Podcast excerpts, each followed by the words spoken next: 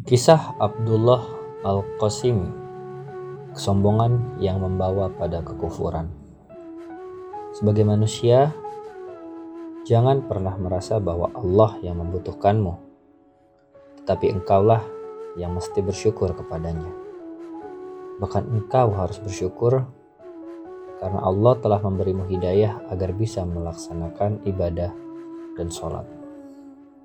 Ini bukan semata karena usahamu, karena jika engkau menyadarinya, maka engkau telah memupuk rasa tawadu. Engkau merendahkan diri di hadapan Allah tanpa ada rasa bangga terhadap diri sendiri. Ketika engkau sholat, itu bukan semata karena usahamu, tapi ada hidayah dari Allah Subhanahu wa Ta'ala. Maka bersyukurlah kepada yang telah memberimu hidayah sehingga engkau mendapatkan kehormatan saat menghadapnya. Merendahlah dan bersyukurlah. Karena bisa jadi sewaktu-waktu Allah mencabutnya jika engkau merasa sombong. Mungkin engkau merasa itu tak akan terjadi kepada dirimu. Tapi kenyataannya, ada ribuan bahkan jutaan orang yang dulunya sholat, lalu akhirnya meninggalkannya. Seperti kisah Abdullah Al-Qasimi Seseorang yang tidak diduga di akhir hidupnya malah meninggalkan sholat. Seratus tahun lalu, ada seseorang yang sangat cerdas di masanya. Bahkan, beliau dikatakan orang ini adalah salah satu ulama terhebat di zamannya.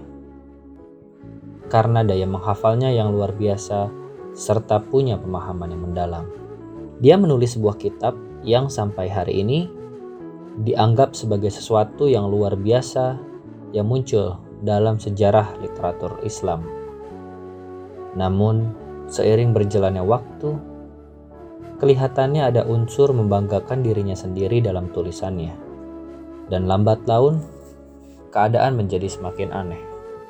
Selang beberapa tahun kemudian, ia menulis sebuah kitab. Dalam kata pengantar, di awalnya ada ucapan terima kasih, dan dia mengatakan ucapan terima kasihku kepada Syekh dan guruku Syaiton. Pada akhirnya, dia mati dalam keadaan ateis atau kafir. Mungkin bagi kita, sebagai masyarakat awam, kita tidak terlalu familiar dan mengenal laki-laki ini.